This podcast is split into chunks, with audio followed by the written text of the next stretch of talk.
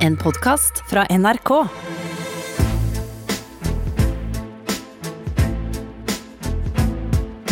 Trump mot verden med Gjermund Eriksen og Sean Henrik Matheson.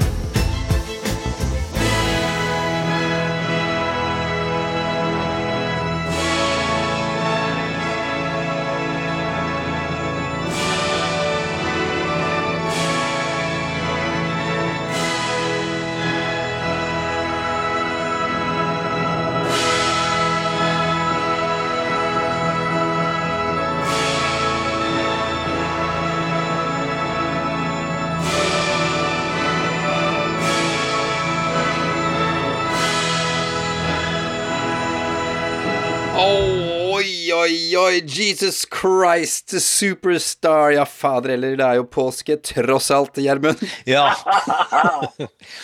Men påsken handler jo om eh, hva vi tror på, og da tenkte vi jo at det kan være veldig greit å høre hva Donald tror på, og hva han mener om eh, det å tro. Altså rett og slett eh, religion. Jeg mener vi må sette ordet over til Donald. We want our children to know the blessings of God. Have a great life and love your country and love your God. Okay? In America, we don't worship government. We worship God. Why, why do I have to, you know, repent? Why do I have to ask for forgiveness if you're not making mistakes? We love the Bible. That's the bu- it's the best. We love the art of the deal, but the Bible is far, far, far superior, right? Yes. I love God. Han har så morsom stemme der. Det er med stor innlevelse, hører vi, at han eh, setter gudstro og Bibelen over seg selv. Ja, jeg hører det tydelig. Men eh, om Jesus eh, i anledning langfredagen, litt på fleip, men også litt på alvor, om han er Guds sønn eller ikke, så fungerer han også som en arketype for hvordan forstå karakterer, og hvordan forstå karakterer i fortellinger. Og i alvoret man behandler Jesus, kan man også bruke det alvoret til å se på andre eh, nesten like eh, store la oss si, eh, kulturelle fenomener. Og der tenkte jeg at eh, vi skal gå høyt til et annet rike enn oss selv, nemlig Quentin Tarantino. Som i Kill Bill, og nå må dere være med, folkens, det er en uh, dobbeltfilm som han lagde, og der kommer det fram noe veldig viktig om menneskesyn uh, hos en karakter uh, jeg hadde ikke så høyt på lista, men som Quentin Tarantino tar opp og sier er Bills favorittkarakter, nemlig Supermann. Uh, og at det er noe unikt ved Supermann, selv om han er en kjedelig tegneseriekarakter for han er uovervinnelig og er ikke spesielt godt tegnet, så har han noe unikt ved seg som sier noe om synet på menneskeheten. Så eh, prøv nå å høre hva Bill sier som gjør Supermann unik. Og skal vi snakke litt om Donald Trump i målt, eh, eller sett på, på litt samme måte som eh, Supermann-analysen til Tarantino. Og hvis vi hører pustinga her, så er det verken Sean eller meg. Det er eh, stakkars rollen til Hugh McDermott som har en svær nål i låret som gjør veldig vondt. a staple of the superhero mythology is there's the superhero and there's the alter ego. Batman is actually Bruce Wayne. Spider Man is actually Peter Parker. When that character wakes up in the morning, he's Peter Parker. He has to put on a costume to become Spider Man. And it is in that characteristic Superman stands alone. Superman didn't become Superman. Superman was born Superman. When Superman wakes up in the morning, he's Superman. His alter ego is Clark Kent. His outfit with the big red S. That's the blanket he was wrapped in as a baby when the Kents found him. Those are his clothes. What Kent wears, the glasses, the business suit, that's the costume. That's the costume Superman wears to blend in with us. Clark Kent is how Superman views us. And what are the characteristics of Clark Kent? He's weak. He's unsure of himself. He's a coward.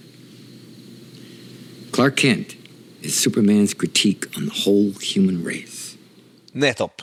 Eh, og eh, det vi kan gjøre, fordi vi som podkast, og vi, de fleste av de som følger med, eh, snakker mye om hvordan vi som mennesker ser på Donald, men vi kan lære vel så mye av hvordan Donald ser på oss.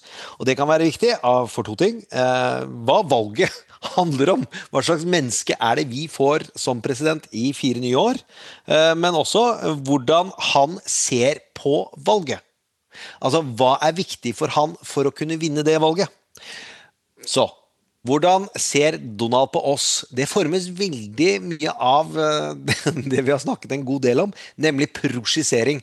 Han ser sine egne svakheter i oss. Og svakheter kan jo noen synes er en uheldig dom, men eh, la oss si det er dokumentert at han er juksemaker, og han vet at han er villig til å jukse. Med andre er folk også veldig villig til å jukse for å vinne valg. Eh, han er eh, villig til å gjøre det meste for å vinne, eh, og det mistenker han da også alle andre mennesker for å gjøre. Og så tror han at mennesket er veldig frykt- og følelsesstyrt, noe som han selvsagt selv er. Og derfor former det antageligvis valgene han kommer til å foreta for å gjennomføre valget i november, eh, er jeg redd for. Eh, så Donalds menneskesyn eh, er egentlig hans eget mørke selvbilde. Han er redd og usikker, og prosjiserer da synet på seg selv over på oss.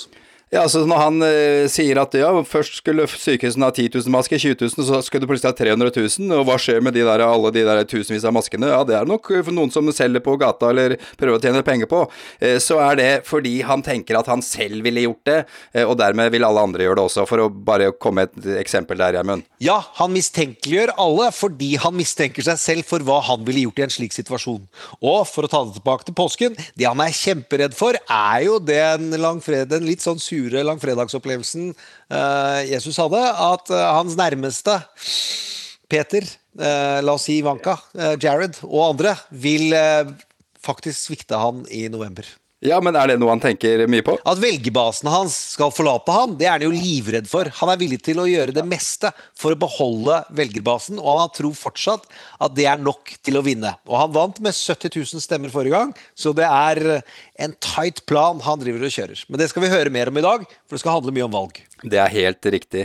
Eh, og vi får besøk. Vi får eh, special guest star på besøk i dag. Eh, men først og fremst er vel på tide å ønske velkommen til Trump mot verden. Jeg heter Sean Henrik Matheson. Gjermund Eriksen og jeg, vi har stadig hjemmekontor. Hvordan går det på ski, Gjermund? Her tar vi påsken med ro, slik vi tok den uka før, og den uka før der, og den uka før der. Ja, det går i ett eh, Eller i, glir inn i hverandre. Jeg skjønner godt hva du mener. Jeg vet knapt nok hvilken dag det er når jeg står opp eh, for tida. Sånn har det blitt. Det er fredag formiddag. Det er den 10. april. Dag 1176 av hans presidentskap. Taper han er i 284 dager igjen. Bare for å si dette her med en gang. Denne episoden laget vi for to dager siden, altså på onsdag. Eh, ja, det er jo påske tross alt. Så dersom det skulle ha skjedd noe helt vanvittig siden onsdag, og vi ikke snakker om det, så er det grunnen. Vi visste ikke at det hadde skjedd, rett og slett, i dag. Eh, Gjermund, eh, ja, da veit du det også. Eh, tre ting vi skal snakke om. Vi må snakke om primærvalget. Altså hvordan skal vi få en motkandidat til Donald? Og så må vi snakke om valget. Hvordan skal denne motkandidaten få stille til valg mot Donald, gitt alt som skjer under koronaen? Og til slutt, hvordan prøver noen å påvirke valget? Og forhindre at folk stemmer. Såkalt voter suppression. Voter suppression, og ikke, det skal ikke bare du og jeg snakke om. Vi får besøk av Hilde Restad, doktorgrad i amerikansk politikk, blant annet. Hun har en lang og imponerende CV. Ukas karakter er en overraskelse. Det er en påskegodbit av de virkelig store. Gleder meg til den i dag, Gjermund. Tre ting vi nevner, men ikke bruker altfor mye tid på.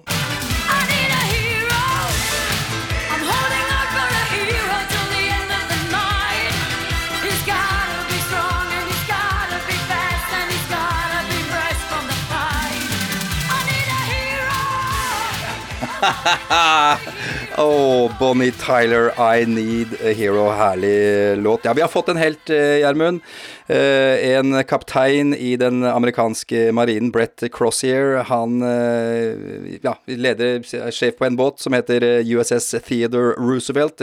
Nesten 5000 mann på, den, på det skipet. Og der har det vært et koronautbrudd, og dette sendte han da en mail om til ledelsen sin.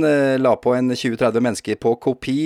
En ikke ikke hemmeligstemplet mail, altså på en server som gjorde at uh, dette her ville kunne lekke, og det gjorde det også, selvfølgelig.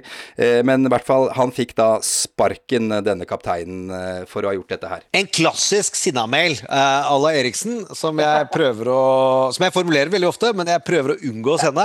Men innafor hva som egentlig skal være lov i det amerikanske forsvaret, nemlig si fra at dette er problematisk, og sette sitt mannskap, sitt liv og helse over politiske interesser ved å late som man har full kontroll på koronakrisen. Så ble det tolka som kritikk av eh, Donalds uh, håndtering av, uh, av koronakrisen innad i militæret, og derfor får han da sparken. Og Så kan vi høre på hvordan Og dette her er ikke et lite skip, hvis du har båt, men det er et hangarskip. Ja. Det er 5000 ja. som er på båten. Eh, og når han går av skipet, så kan vi høre lyden av hva mannskapet syns om en kaptein som setter folka sine foran uh, uh, politiske interesser til den sittende presidenten.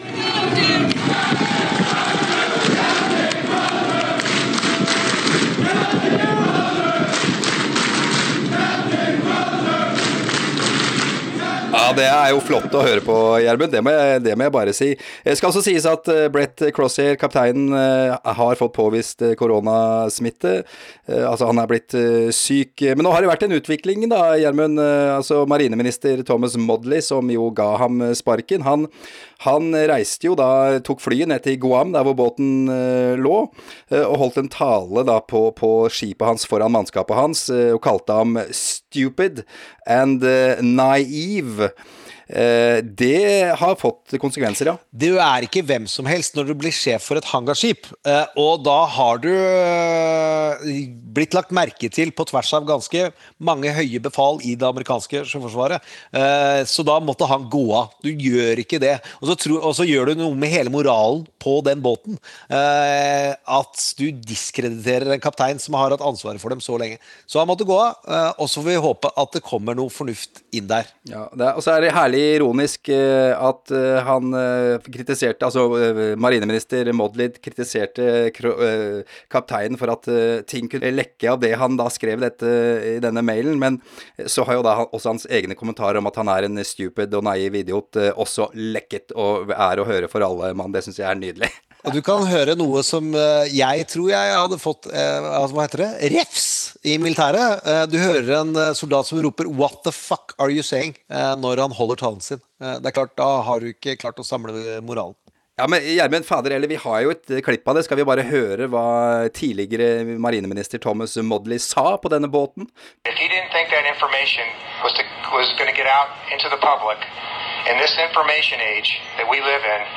that he was A, too naive or too stupid to be the commanding officer of a ship like this.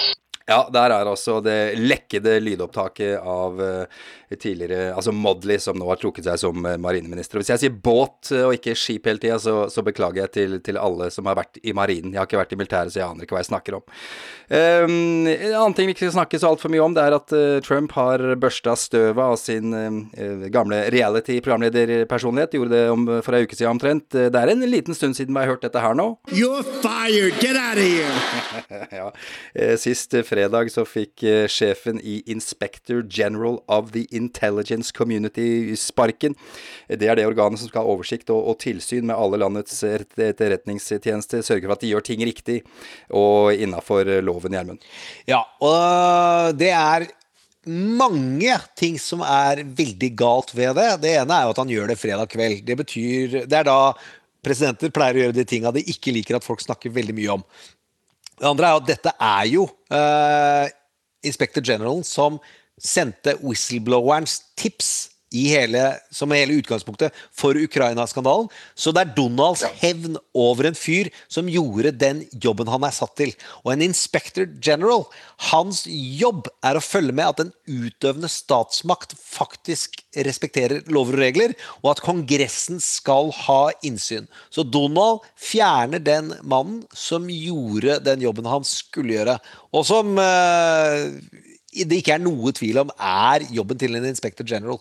Du kan ikke holde igjen whistleblowers. Det var jo det man som var en av de store debattene i oktober. Det er ikke mulig for en inspector general å holde Kongressen borte fra whistleblowers, for det eh, Kongressen skal vite hva etterretningstjenestene driver med. Ja da, Michael Atkinson som han het, han gjorde bare jobben sin. Han, eh, jo, han fortalte Kongressen om en varsler, og det var hans plikt eh, å gjøre, og nå har han fått sparken for det. Eh, en annen som har fått sparken You're fired. Get out of here. Det er mannen som skulle overse bruken av de 20 000 milliardene som har blitt gitt i redningspakke fra Kongressen. Eh, det skjedde jo nå den, tidligere denne uka her, Gjermund. Det var på mandag, og det er en utrolig dyktig, langt jobb, eh, langtidsjobbende byråkrat som hadde jobba elleve år som inspector general for Justisdepartementet. Dvs. det vil si både litt under Bush og tror jeg, og Obama. Og så har fått jobben til å følge opp utdelingen av alle disse pengene. Men da tar Donald og heller henter inn en fyr fra EPA, fra Miljøverndepartementet, under han. Ja, jeg vet det. Og Miljøverndepartementet er jo ikke et departement vi kanskje har så mye trua på i USA, Gjermund? Eh, jo, tidligere, altså. Men nå, eh, under Donald, så tror jeg han ga ministerposten til en hovedlobbyist for kullkraftindustrien, faktisk. Nettopp. som ble miljøvernminister, og som gjorde utrolig mange økonomiske disposisjoner til sin egen fordel, eh, og ikke minst har fjerna alle reguleringer. altså Miljøverndepartementet har jo da egentlig blitt Industribeskyttelsesdepartementet. Og der kan folk, før de begynner å rase inn med meldinger om uh, at jeg virker som en miljøvernfrik, så er ikke jeg det, altså. Jeg er ikke noe MDG-er, akkurat. Men Miljøverndepartementet er rasert. Kanskje det som er rasert mest under denne personen, som nå skal komme og ha oppsyn med at Donald ikke skal berike eh, seg selv med disse 2000 milliardene. Du, eh, vi skal til vår eh, spin-off-serie. Før vi gjør det, så er jeg nødt til å løpe ut til eldstemann og be ham slutte å spille trommer. Eh, vi har uansett eh, med oss vår special guest star Hilde Restad, og vi skal snakke om demokratenes kamp om å vinne tilbake presidentronen. Hold han litt rann. Men mens Sean er ute og henter sønnen, så må vi huske på påsken og hva dette egentlig handlet om. Nemlig eh, et av de vanskeligste valgene det amerikanske folk vil bli satt overfor. I denne uka, som Surgeon General sier vil være denne generasjonens Pearl Harbor og 11. 11. september. Fordi det er så mange som kommer til å dø av korona denne uken. Og valget vil handle om hva slags kraft som skal gjenoppstå etter den vanskeligste og mørkeste perioden en generasjon har vært igjennom. Og hva folk skal tro på. Tro, håp eller kjærlighet. Den største av alt, det er Blåhvalen. –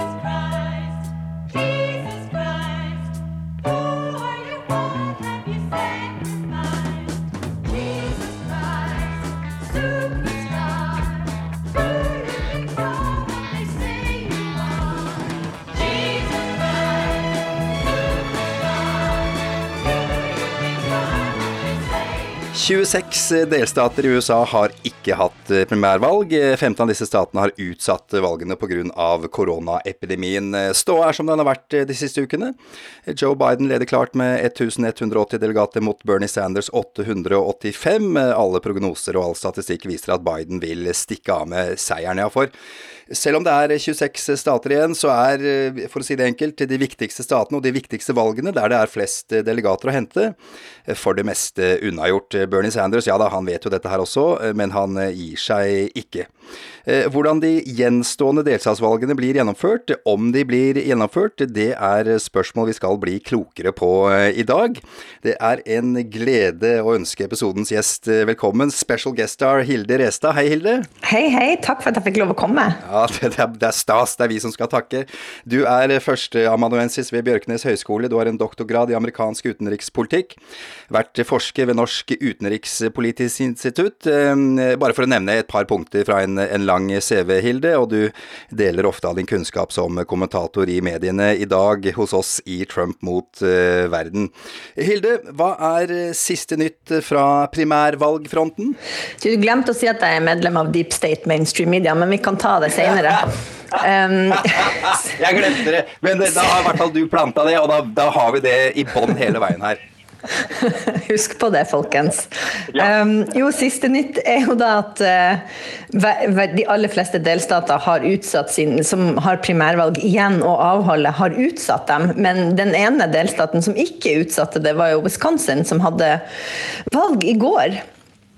Uh, etter en veldig dramatisk 24 timer, fordi at den demokratiske guvernøren forsøkte å få utsatt valget, eller i hvert fall å fasilitere at velgere kunne stemme ved å sende valgseddel i post. Eh, mens da den republikanske delstatsforsamlinga og den republikanske delstatshøyesteretten satte en stopper for det. Så det er en veldig sånn rar situasjon i Wisconsin nå, fordi det har vært masse forskjellige signaler sendt til velgere i Wisconsin. Og sånn som jeg har forstått det, så er det sånn at det, man ble fortalt at man kunne sende inn valgsedler um, i etterkant. Altså var, at man var litt forsinka, og at det var greit, for det her var en ekstraordinær situasjon. Men nå har altså da um, delstatshøyesteretten er det vel i Wisconsin bestemt at nei, valgseddelen må være datostempla innen valgdagen, ellers så blir den ikke telt. Ja, og det er jo oppsiktsvekkende, som du sier, Hilde. De har jo, altså, mange mennesker fikk jo denne valgseddelen som de kunne bruke i posten lenge etter at fristen var gått ut. Eh, allikevel så kan altså ikke staten godkjenne de, de stemmene. Det er jo Ja, vi, vi kommer jo for så vidt tilbake til voter suppression, Hilde. Ja, og det gjør vi. Det er en veldig viktig eh, del av historien her. Men jeg tenker at Wisconsin er jo en sånn, um, et lite eksempel på hva som kan skje i november eh, i presidentvalget hvis man ikke er forberedt på alle eventualiteter i forbindelse med denne pandemien. Det er jo ikke uten grunn at eh, Demokratiske partiet hadde planlagt å ha sitt landsmøte i sommer i Milwaukee, Wisconsin. Det var selvfølgelig en tanke bak det, og det er jo for at det er kjempeviktig delstat. Eh, men nå ser vi altså da at eh, de, de sliter med en, en, demokratisk guvernør og et republikansk delstatsforsamling som ikke er enig om hvordan man skal avholde valg i en pandemi. Det er jo kjempeproblematisk. Men, eh, men valget, er, altså, valget ble jo tatt av Høyesterett, eller de bestemte at disse sedlene, stemme, for sentkommende stemmesedlene ikke skal funke. Så, så, ting er avgjort der i, i så måte, Hilde? Ja, men, men, så hørte jeg også på nyhetene i morges at man antar at det vil komme mange eh, søksmål i forbindelse med dette valget. Um, som kanskje da kan jobbe seg oppover i rettssystemet på nytt. Men uansett så vil jeg Altså, det her valget i Wisconsin, som, det var både primærvalg for demokratene og det var valg til delstatshøyesterett. Eh, det var masse forskjellige lokale eller delstatsvalg. Ehm, det, jo, det er jo en, en, slags demokratisk tragedie. Det har ikke foregått på noen god måte. Og bare i Milwaukee, som jo er delstatshovedstaden, ehm, så gikk man fra 180 valglokaler til fem valglokaler. Så det er jo Det er ikke altså Jeg, jeg syns det, det, er veldig skuffende, måten det her har foregått på. Og da er vi litt tilbake til denne problematikken med hvor vanskelig skal det være å stemme i USA. Um, fordi at USA er jo et føderalt system, så hver delstat har veldig mye kontroll over hvordan de ønsker å avvikle sine valg. De bestemmer reglene for uh, om man må forhåndsregistrere seg, de bestemmer regler for om det er lov å stemme sånn, tidlig, early voting. Um, de bestemmer hvor valglokalene skal være. Det er veldig mye um, makt som hver delstat har i å bestemme hvordan et valg skal foregå, og derigjennom eh, hvor lett det er for velgere å få lov til å utføre sin demokratiske plikt. Um, og da tenkte jeg at det var relevant å bare nevne en høyesterettsavgjørelse fra 2013 som het Shelby Counter v. Holder. Eh, som, som var en sånn historisk avgjørelse fordi at den svekka den veldig kjente valgloven av 1965, som er en av de største borgerrettighetslovgivningene, eh, som, som, skulle sikre da særlig svarte, men alle en eh, ikke bare teoretisk rett, men praktisk rett til å stemme. Og Siden den høyesterettsavgjørelsen i 2013 så har det blitt mye lettere for delstater å eh, hva man skal si, manipulere er kanskje et sterkt ord, men vi ser at det er en del republikanske delstater som har republikanske guvernører og delstatsforsamlinger, som stadig strammer inn og gjør det vanskeligere eh, for velgere å stemme. Tilbake til eh, primærvalget. Hvordan skal det nå avholdes? Hvis det ikke nå, altså nå blir det jo ikke i juni i Wisconsin, eh, men det blir i august. Det blir utsatt. Hvordan er det de skal gjennomføre det nå, da? Altså, Du tenker på The National Democratic Convention, Gjermund? Er vi der nå? Ja. Ja, nettopp. Uh, ja, nei, det vet vi jo ikke. De har utsatt en måned, uh, og om hvordan det skal gjøres. Det er ikke sikkert at det, Biden har vel allerede lufta ideen om at det kanskje ikke kan gjennomføres på normal måte. Men det er klart at et stor del av poenget med et sånt landsmøte er jo at man skaper et sånt TV-show og får masse seere. Eh, så, så, og det kan man jo selvfølgelig gjøre uten at man har en, svær, en svær stadion fylt med, med partimedlemmer. Men, så det kan godt være at de er nødt til å tenke veldig nytt der. Det kan nesten tenke seg å gjøres bedre. Det er jo ikke alle Spektrum-show som egentlig samler mange mennesker. Eh, Det er jo Jeg er helt enig med deg, helt enig med deg i det. Nå har ikke jeg sett alle Democratic National Conventions, men jeg har sett noen. Og det går mye, det er mye dødtid òg, altså. Og det er mye som ikke er Du skal være veldig interessert for å følge hele dagen, for å si det sånn. Ja, det er ikke sikkert det er noe negativt, det her. Det kan godt være at det blir bedre TV-program av det, altså.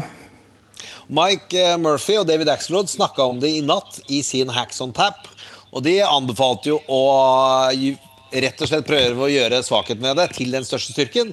Skryte av at han har gjort det mye mindre av hensyn til helsen til det folket og eh, de representantene i delstatene. Og lage bedre TV-underholdning. Eh, Så får vi se om noen hører på Mike Murphy. Han er jo ikke først og fremst eh, demokrat. Han er først og fremst anti-Trump.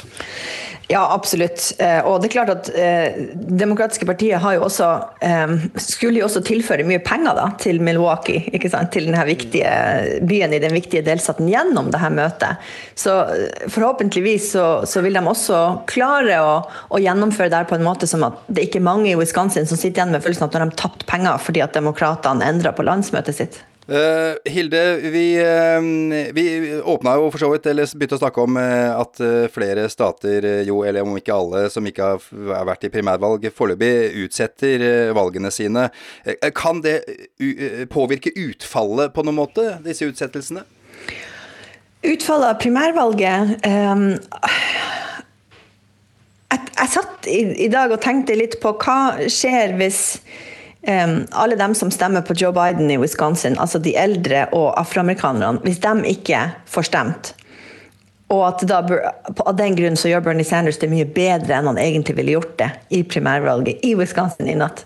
Da plutselig så føler han at han har momentum, og så kommer, gir han seg ikke likevel. Det var en sånn skummel tanke som for gjennom hodet mitt, og, og grunnen til at det er en skummel tanke, er jo at det vil jo bare svekke det demokratiske partiet om de ikke, klar, om de ikke klarer å avklare en, en kandidat um, så snart som mulig. Og her er der jeg er en del av the deep state mainstream media, fordi jeg er veldig offisielt og åpen om at jeg tror at Donald Trump er en tragedie for det amerikanske demokratiet, og at han er nødt til å fjernes i november. Så derfor er det, skal jeg være helt åpen og ærlig om at jeg ønsker veldig at det demokratiske partiet skal get their shit together. Har det noe å si for deg hvem som eh, vinner over Eller du håper vinner over eh, Donald Trump, eh, Hilde? Egentlig ikke. Altså mitt, mitt synspunkt, mitt perspektiv, er jo det altså, en, Fra en statsviter som har spent, brukt store delen av livet mitt på å studere amerikansk politikk, og da Jeg har vanligvis ikke hatt noe sånn for eller imot partier eller kandidater. eh, Men siden Donald Trump har blitt valgt, og fordi at han har tråkka over ikke bare normer, men også lover og regler som man trenger i et liberalt demokrati, så er det for meg det viktigste at han ikke er president, sånn at han ikke får lov å bryte loven og korrumpere utøvende maktgren. Og da er det ikke så viktig hvem som vinner over han. For da, er- da er man over i partipolitikk og partiskhet og alt det som er Faktisk, til tross for dem på Twitter som liker å tvitre til meg, som jeg faktisk prøver å holde meg unna. Eh, Så jeg er imot Trump av demokratiske grunner, men jeg er ikke for noen av de andre kandidatene. Har du det klistremerket på bilen 'Any breathing human'? 2023. Jeg er litt der. Ja, ja, jeg har faktisk søkt etter å kjøpe det klistremerket, men jeg kom på at jeg har jo ikke bil. da blir det vanskelig. Eh, du kan, du kan feste den på sparkesykkelen din, eh, Gjermund, på, på, stanga der. Det går an, det er ikke umulig. Ja. Uh, Hilde, vi har snakka om det, det, står jo om Biden og, og Bernie Sanders. Vi får se om, det, om disse primærvalgutsettelsene har noe å si for, for, at det er til slutt det blir Joe Biden. Men hva, hva slags forhold har disse to til hverandre nå, disse to kandidatene, nå om dagen? Det er jo påtakelig at det er jo mye mer vennlig enn det var i 2016. Det er en del eh, journalister som har påpekt dem som, dek, dem som dekka eh, den demokratiske primærvalgkampen i 2016, som påpeker hvor mer, mye mer vennskapelig tonen er mellom Biden og, og uh, Bernie enn den var mellom Bernie og Hillary Clinton. Um, de er vel venner fra før. Uh, Nå er vel Joe Biden venner med alle, så vidt jeg har skjønt. Men uh, og, og man, for, man, hadde forventa at Bernie Sanders skulle gi seg ganske så snart. Han må vel vinne var det 65% av alle delegatene fra nå og frem til landsmøtet for at han skal klare å vinne over Joe Biden. Og det er vel ingen som tror at han klarer det. Og da blir det jo litt sånn spørsmålet hva er poenget med å, med å fortsatt være i valgkampen da? Men så er jo Bernie Sanders en relativt sta mann. Hva er poenget da, at han fortsatt uh, er med i, i kampen, uh, Hilde?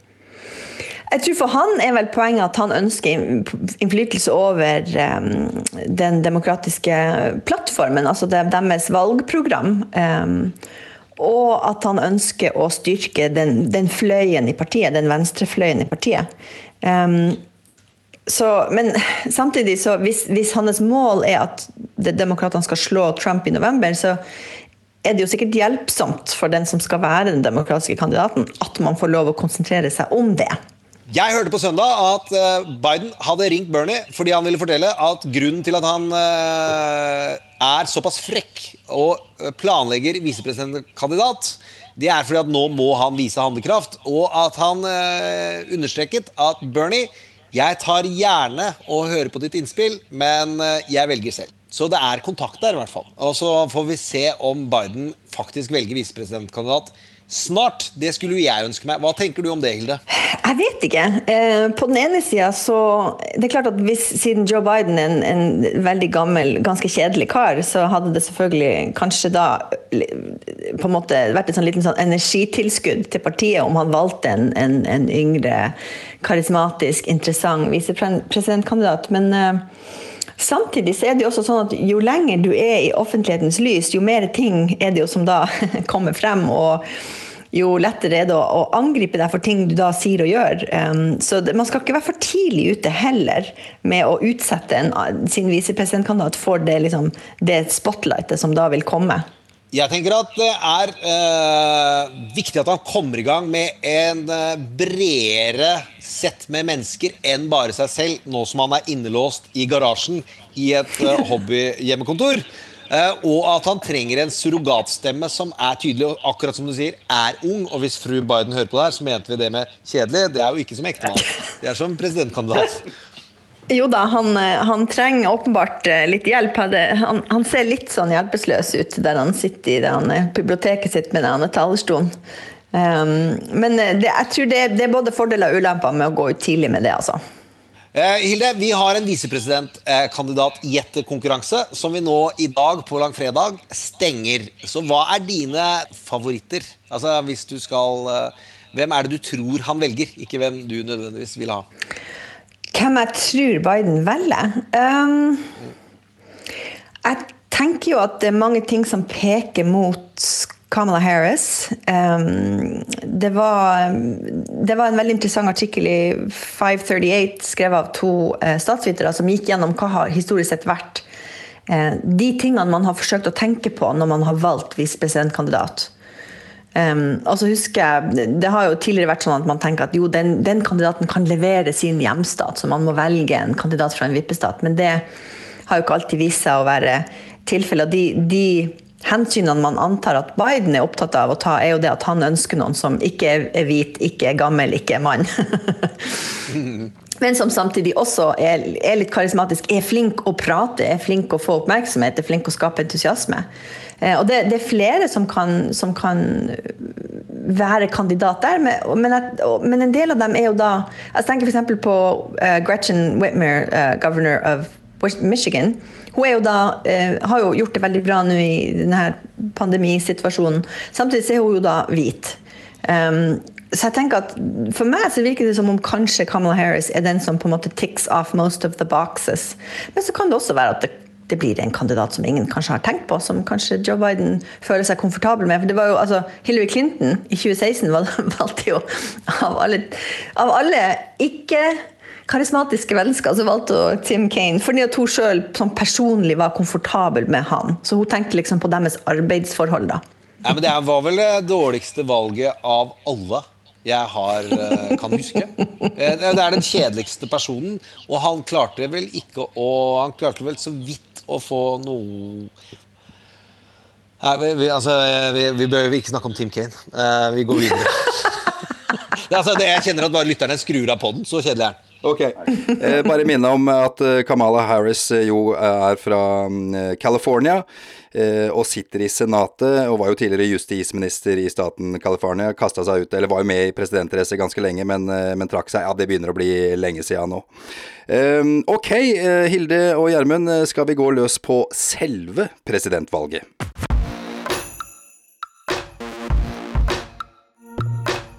Trump mot verden. Hvis alt går etter planen, så går amerikanerne til valglokalene sine 3.11. for å stemme på sin presidentkandidat. Men så går jo ikke alt etter planen for tida. Koronaviruset herjer over hele verden den siste tida, aller mest i USA. Ja, kan det være at valget blir utsatt? Er det mulig? Eh, og hva skjer i så fall da? Mange er jo bekymret for om, eh, om, Donald vil forsøke å bli sittende, og den enkleste måten å bli sittende på er jo å ikke ha valg i det hele tatt. Avlyse valget. Dette sies jo eh, riktignok, men aller mest på, på, fleip og tull. Men gjerne fulgt opp av nervøs latter. Ja, men så gæren er han vel ikke, at han prøver seg på det. Ikke godt å si, egentlig, for å si det som det er. Det er også mulig at dette er et scenario som kan bli mer aktuelt i, i 2024, dersom man får fire nye år. Uansett, eh, vi må snakke om det. Eh, Hilde, hva er sjansene for at det ikke blir valg i, i 2020, altså 3. november i, i år? På papiret er det jo helt usannsynlig, fordi at det er Kongressen som har vedtatt en lov. Det gjorde de i 1845, som sa at valget skal foregå sånn og sånn, og da og da.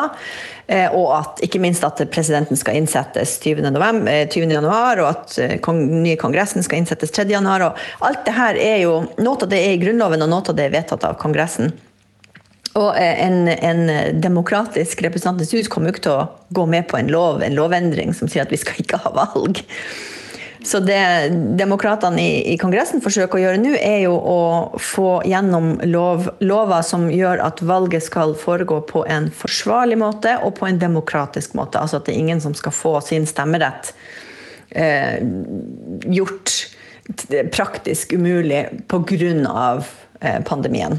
Eh, ok, men men kan, det hende at eh, ja, da blir det på papiret ikke avlyst, men kan det bli utsatt? Nei, jeg, da, jeg tror ikke at det kan det uten at Kongressen vedtar en ny lov. Eh, og det tror jeg ikke demokratene i Kongressen vil gå med på. Så vidt jeg, Det er sånn jeg har forstått det. Ja, nettopp. Men, men, nå er vi jo litt over i hvordan det da eventuelt kan bli organisert. Vet du noe om, om hvordan det kan bli annerledes, men det likevel gjennomføres, Hilde?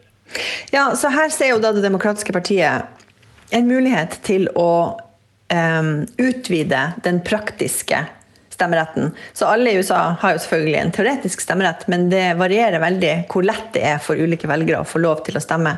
Så det demokratene ser sitt snitt til nå, det er jo da å gjøre det lett for alle som eh, ønsker å stemme, og få lov til å stemme gjennom at man skal utvide eh, denne eh, stemmeseddel gjennom post. ikke sant? Eh, absentee eh, ballots, at man ikke trenger å møte opp i et valglokale, at man kan stemme på forhånd eller over lengre tid. Altså at du gjør det mer fleksibelt, mer praktisk. Um, ting som er det motsatte av at alle må møte opp i et valglokale på én dag. Um, men der igjen så ser man da at det, det republikanske partiet ønsker ikke det. De er imot å gjøre det lettere å stemme. Og der kan jo noen mene at vi farer med påstander, men her har jo Donald gått ut med underteksten og sagt det helt tydelig på Fox and Friends at hvis vi gjør det for lett for alle til å stemme, så vil det ikke bli valgt en eneste republikaner mer. Uh, og det er, ikke, det, er, det er nok ikke sant. Det er nok ikke sant, men han sa det rett ut, høyt og tydelig. Ja, da, da glemte Donald Trump at den offisielle forklaringa til det republikanske partiet om hvorfor de er imot å gjøre det lettere å stemme, er jo valgfusk. Fordi de er redd for at det, hvis det er for lett å stemme, så det, blir det store muligheter for velgere å, å jukse. Um, men så er det jo på sin plass synes jeg, å nevne at eh, George W. Bush-administrasjonen, fordi republikanere har vært opptatt av valgfusk, hadde en kommisjon som undersøkte valgfusk gjennom de to periodene han var president. og det gjorde de. De, tok den det tok dem veldig alvorlig, og de fant ekstremt få tilfeller av valgfusk. sånn at blant dem som forsker på valg i USA, så er den konvensjonelle visdom at valgfusk er uvanlig. Og at det derfor det, det man er bekymra for, er at regler som skal hindre valgfusk, har den konsekvensen at de demper valgdeltakelsen, særlig hos minoriteter. Ja, du skal få opp troen eller folks eh, frykt for at det nytter ikke å stemme. Det er en del av den republikanske kommunikasjonsstrategien. Eh, senke folks lyst og tro på at eh, det nytter. Ja, men også gjøre det praktisk vanskeligere. En av de tingene eh, som vi så etter Shelby County Beholder er jo at man eh, ønsker å legge inn strengere krav for type, hvilken type ID du må ha for å få lov til å stemme. Og da tenker vi i Norge at ja, det er ikke noe rart. Altså, alle burde selvfølgelig ha en ID med et, eh, et fotografi på, det, en bilde på, det er jo ikke noe rart det. Men i USA så, så, viser det seg at hvilken type ID man har, også henger sammen med rase og klasse. Og at visse typer voter ID-krav eh, slår veldig ujevnt ut da. Ja, og det koster mye. Altså Delstater uh, jekker da opp prisene. Jeg husker ikke helt, men jeg tror det er 50 dollar for voter ID i noen delstater. Uh, og det er mye penger for uh, lavtlønte å investere i når du ikke trenger det annet mm. enn til å gå og stemme. Det er helt riktig. Hilde, dersom det blir mer forhåndsstemmer og demokratene får gjennom disse nye lovene, altså med stemmer gjennom posten og digitale muligheter og, og slike ting, hvordan kan det påvirke valget? Eh, nei, håpet er jo da at uh, man kanskje klarer å øke valgdeltakelsen uh, i november. Man, allerede, man hadde jo i utgangspunktet forventa at det kom til å bli et valg med sånn, i amerikansk kontekst relativt høy valgdeltakelse, fordi at de to partiene er veldig fired up mot hverandre. Um, en, en, hyggelig bivirkning av det her, hvis man klarte å, å, å gjøre det lettere å stemme, er jo forhåpentligvis at kanskje flere ville avlagt stemmen sin i november. Det tenker jeg det ville jo være en, en demokratisk silver lining i ellers eh, ganske så mørke fire år. Det som er rart, er jo at amerikansk høyesterett, som konsekvent stemmer for å støtte det frie markedet og den store kapitalens eh, evne til å utnytte at forbrukere skal få gjøre Nei, utnytte forbrukere. Det frie markedet innen demokratiet, det prøver det å understreke. At folk skal kunne, flest mulig skal få kunne delta i markedet av å velge president, det begrenser vi. Det er jo ikke bare Det, altså det er jo rett og slett et poeng, uh, syns jeg.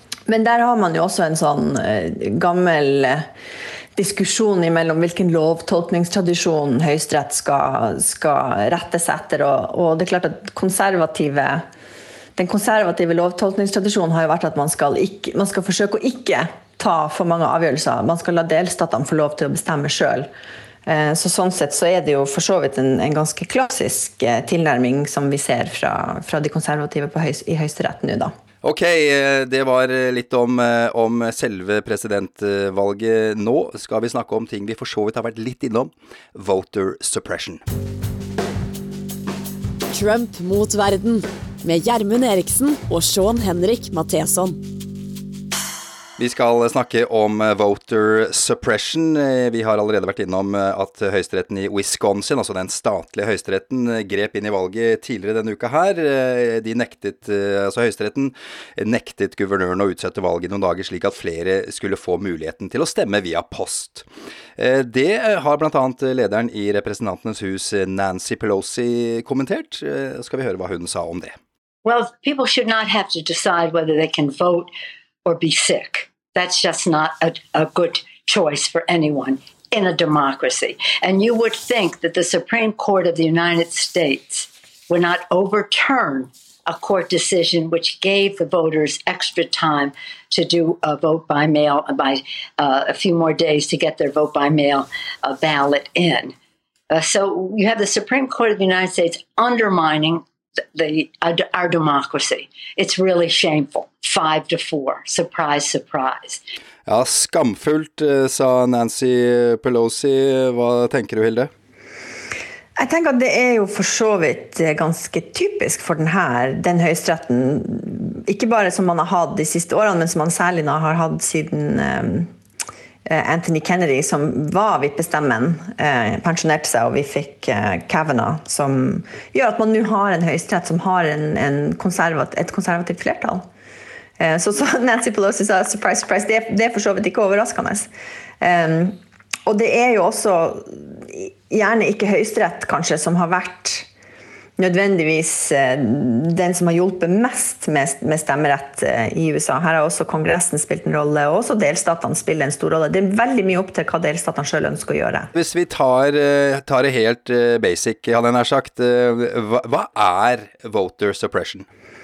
Stemmeundertrykking er jo da at man rett og slett endrer eller legger hindringer i veien for at, sånn at den teoretiske stemmeretten man har i USA, praktisk sett blir mye vanskeligere. Og da, det kan handle om at eh, man ikke åpner for early voting, altså forhåndsstemming. At man ikke åpner opp for at man kan få lov å registrere seg på samme dag som det er valg, hvis man har glemt å registrere seg før.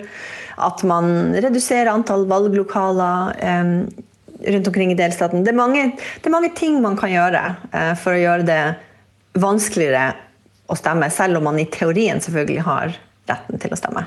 Er dette noe som både demokrater eh, og republikanere holder på med? Nei, eh, det er egentlig ikke det. Eh, og det er litt til forskjell fra gerrymandering, som jo er når delstatsforsamlinger tegner opp veldig partiske valgdistrikter. Det er noe som, som begge partier ofte gjør. Men, men, når det kommer til stemmeundertrykking, så ser vi at det er særlig delstater med demokratiske eh, delstatsforsamlinger eller guvernører som har gjort det siden 2013, eh, som da var den høyesterettsavgjørelsen som vi snakka om tidligere, altså Shelby County v. Holder, som svekka valgloven fra 1965. Nå sa du demokrater, men jeg antar at du mener republikanere, Hilde? Ja, there you go. ja, vi skulle bare sjekke at lytterne følger med. Sjekke at lytterne følger med. Hilde underviser. Dette er et gammelt lærer. Dette er gammel, det eldste tavletrikset. Skrive litt feil på tavla for å sjekke. Det gjør jeg hele tida. Hilde, hva er det som gjør at uh, republikanere gjør dette her, uh, og ikke demokratene? Uh, vel, som Trump sa, hvis alle stemmer, så vinner jo ikke republikanerne. Det var jo en uvanlig ærlig uttalelse, selv til Trump å være, kanskje. Men det handler jo da om at de to partiene i økende grad har veldig klare demografiske profiler. Altså det republikanske partiet er blitt nå partiet for hvite, gjerne eldre, gjerne religiøse eh, velgere, mens demokratene er partiet for alle andre. Og, så da USA er jo i ferd med å bli et samfunn som ikke lenger har en hvit majoritet. Det, er ulike, er statistikker og prediksjoner på det, men i løpet av 2050 noe sånt, så kommer det ikke lenger til å være en hvit majoritet i USA. Så da virker det som om det republikanske partiet har funnet ut at det er for å sikre at de vinner valg, så er det lurt å gjøre det litt vanskeligere for særlig minoritetsvelgere eh, å få stemme. Og så, det her høres ut som det, Akkurat denne historien kunne man jo fortalt om Det demokratiske partiet frem til borgerrettighetsbevegelsen i sørstatene. Um, og det er litt sånn rart at vi på en måte er der igjen. Uh, men det republikanske partiet virker som om de er redd for at alle skal stemme. Fordi som Trump sa, da vinner ikke dem. Mens George Bush, når han var i Texas, gjorde vel ikke dette. Tidligere så hadde republikanerne større selvtillit på vegne av sin egen politikk. Ja, definitivt. Men det her er jo en del av historien om radikaliseringa av det republikanske partiet. Fordi altså, George W. Bush virker jo som en karakter fra en annen æra. Han var jo han, han var populær blant mange.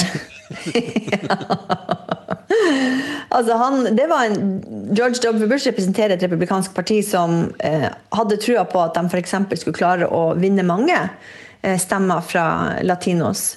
Eh, Pga. at eh, latinamerikanere, gjerne, eller amerikanere med latinamerikansk bakgrunn gjerne er mer sosialt konservative i forbindelse med sin sterke katolske tro.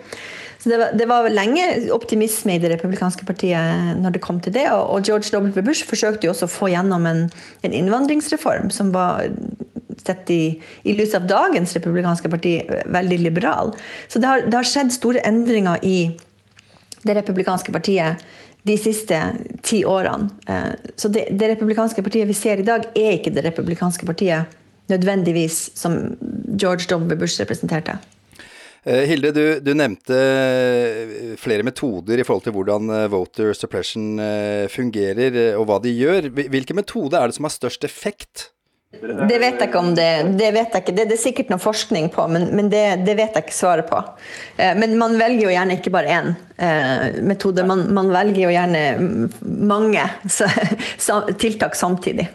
Det jeg har hørt, er at det er begrensningen i antall valglokaler, og at det ligger utrolig langt unna der du bor. Eh, sammen med at du bare kan stemme på valgdagen i en del delstater.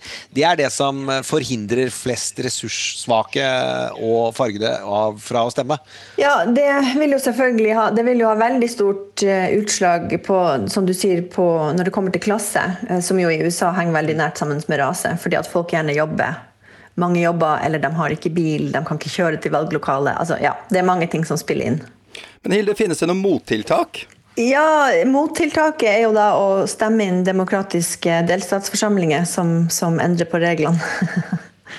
ja, som jo er vanskelig, så det er et slags paradoks, dette her. Men det, altså det som man egentlig venter på skal skje For det Shelby County Beholder gjorde, eh, var jo at den Høyesterettsavgjørelsen sa at den formelen man brukte i 1965 for å finne ut hvilke valgdistrikt som er nødt til å øh, være under oppsyn av Justisdepartementet pga. en lang tradisjon med velgerdiskriminering og stemmeundertrykking, den formelen øh, må endres på, for den er gammeldags og utdatert. Så dersom Kongressen vedtar en ny, altså en, et, øh, et tillegg til valgloven, eller oppdaterer den med en ny formel, så ville man jo da i teorien kunne starta på nytt igjen med de her litt strengere oppsyn, sånn at Justisdepartementet kunne gå inn og si nei, du får ikke lov å gjøre sånn, du får ikke lov å gjøre sånn. Men da må jo eh, Kongressen være enig om det, og det er klart at vi ser jo så lenge republikanerne har Senatet, eller har demokratene ikke har 60 senatorer, så er jo det kanskje usannsynlig. Siden alt henger sammen med alt, er ikke uh, Barack Obama og Eric Holders hovedprosjekt, nå som de ikke styrer landet, uh, å forberede seg for en ny folkeopptelling, så de kan motvirke gerrymandering og derigjennom legge om valglovene for å forhindre voter suppression. Jo, det, det, er helt riktig. Jeg vet ikke om det er Obama sitt hovedprosjekt, men det er definitivt Eric Holder. Uh, som vi kjenner fra Shelby County v. Holder. Um, det, han har jo en organisasjon som, som, skal, som, er veldig opptatt av det her, fordi de har innsett hvor viktig det er.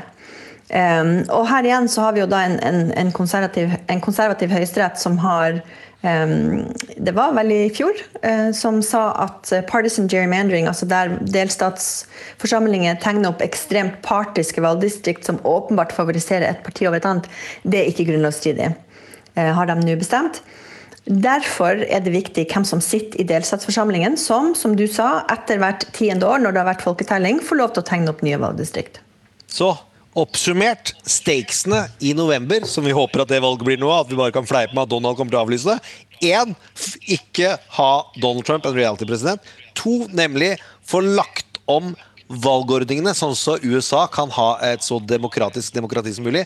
Og tre, ikke legge om Høyesterett, eh, slik at uh, uh, uh, man ikke har en konservativ høyesterett som prøver å motvirke at folk får lov til å stemme. Ja, jeg tenker at Valget i november det handler om USA sin demokratiske sjel. Eh, om de demokratiske institusjonene. Og så handler det også, da, siden jeg fokuserer mye på amerikansk utenrikspolitikk, om USA sin rolle internasjonalt, som også tenker jeg er veldig viktig. Særlig for oss i Norge. Eh, Hilde Restad, tusen takk for at du var med i, i Trump mot uh, verden. Eh, Gjermund og jeg, vi ønsker deg god påske, vi. Tusen takk. God påske til alle. Hold avstand og hold ut, som de sier. ja, vi skal fortsette med det. Tusen takk, Hilde. Bare hyggelig. Gjermund, du og jeg vi fortsetter i noen minutter til. Vi skal straks til ukas karakter.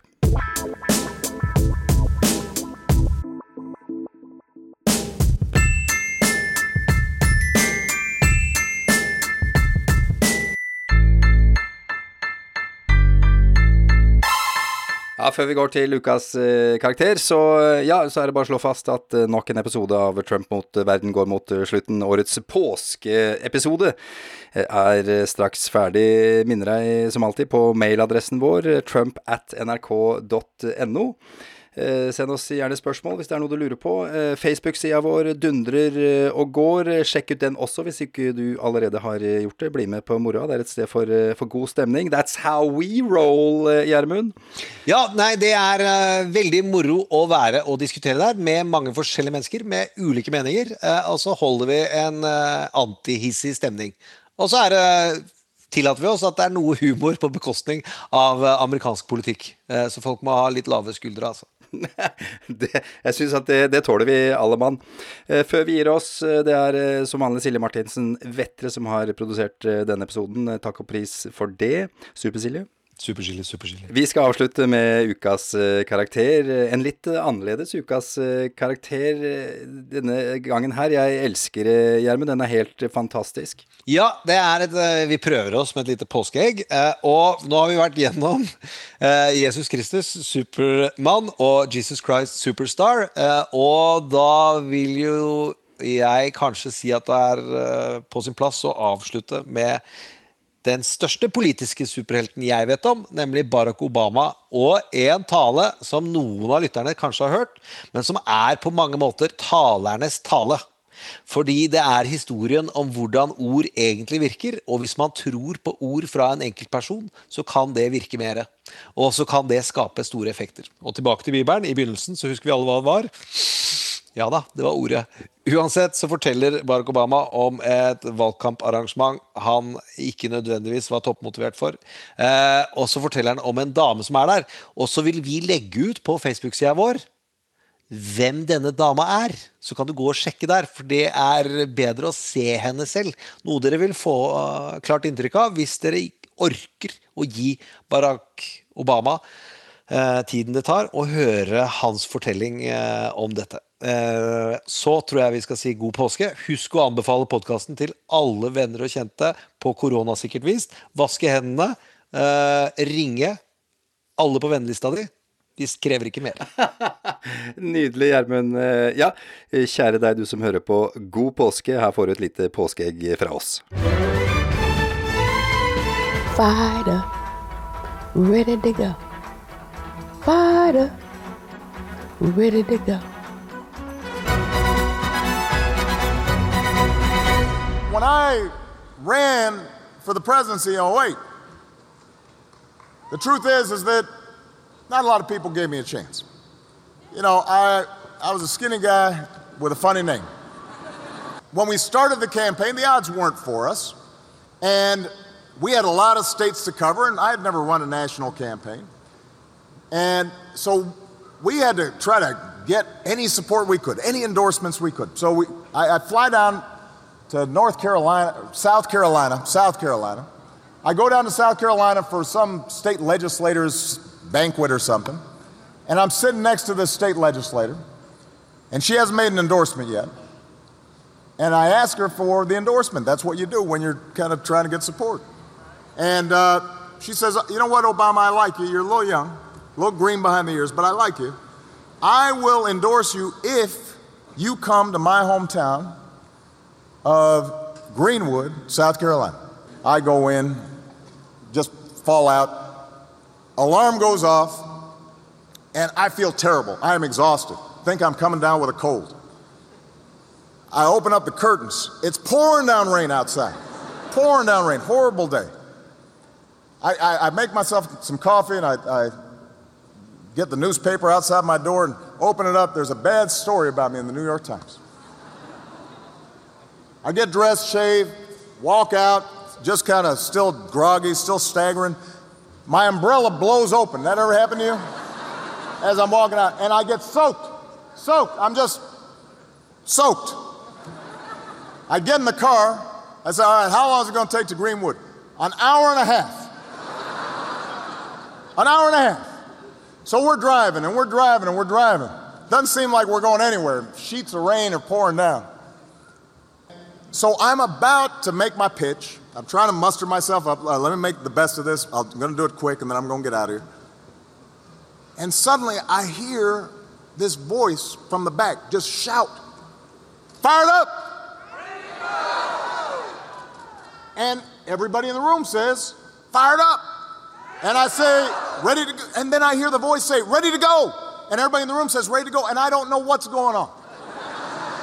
I think these people are crazy. Maybe I shouldn't have come here. And then I look in the back of the room, and there's this middle aged woman, and she's dressed like she just came from church. She's got a big church hat, and she got, I think, a gold tooth. Turns out she is holds a position in the local NAACP office, and also, I'm not kidding you, is a private detective. This is a true story. She's like a uh, she's she's like a private eye. Although it, it's hard to think that you wouldn't see her coming. She's very colorful, and she's grinning at me. And apparently, she is known wherever she goes by saying this chant, fired up. And everybody knows her, so they know that when she says fired up, they've got to say fired up. And when she says ready to go, everybody's got to say ready to go. And this is what she does. Every meeting she goes to, she does this thing, which is kind of strange. So the thing is, though, she keeps on doing it. And everybody keeps on, she says fired up, and they say fired up, and ready to go, ready to go. But the interesting thing is, after a while, I'm starting to get kind of fired up. I'm, I'm, I'm, not, I'm, starting to, I'm starting to feel like I'm ready to go. And all those, all those negative thoughts and all those bad memories start kind of drifting away. And we have a great meeting with these 20 people. And they all say, We're going to support you. And we're going to go out there and work. And even after we left Greenwood, the rest of the day, all the campaigning, when I saw my staff, I said, Are you fired up? They say, I'm fired up, boss. Are you ready to go? I, I'm, I'm ready to go. And it just goes to show you how one voice can change a room. And, and if and if it can change a room, it can change a city. And if it can change a city, it can change a state. And if it can change a state, it can change a nation. And if it can change a nation, it can change the world. So I just have one question for you, New Hampshire. Are you fired up? Ready to go? Fired up? Ready to go? Fired up? Ready to go? Let's go finish what we started. I love you, New Hampshire. God bless you. God bless the United States of America. Fight up, ready to go. Fight up, ready to go. Fight up, ready to go. Du har hørt en podkast fra NRK. Hør flere podkaster og din NRK-kanal i appen NRK Radio. NRK Radioteatret. Ungdom, vi må ut. Multiple targets across the street. They know you're there. Get out. Exiting now. Soldaten Oda oppdager at terroristene i Irak bruker norske rakettkastere. Hvordan havner kassavis med norske våpen hos terrorister i Irak? Hvordan skal jeg vite det? Oda velger kampen for sannheten. Det vil koste henne dyrt. Vet du godt at ikke vi har lov til å snakke om hemmelige oppdrag? Det er noen som prøver å gjøre alt de kan for at dette ikke skal komme ut. Hør Made in Norway som podkast i appen NRK Radio.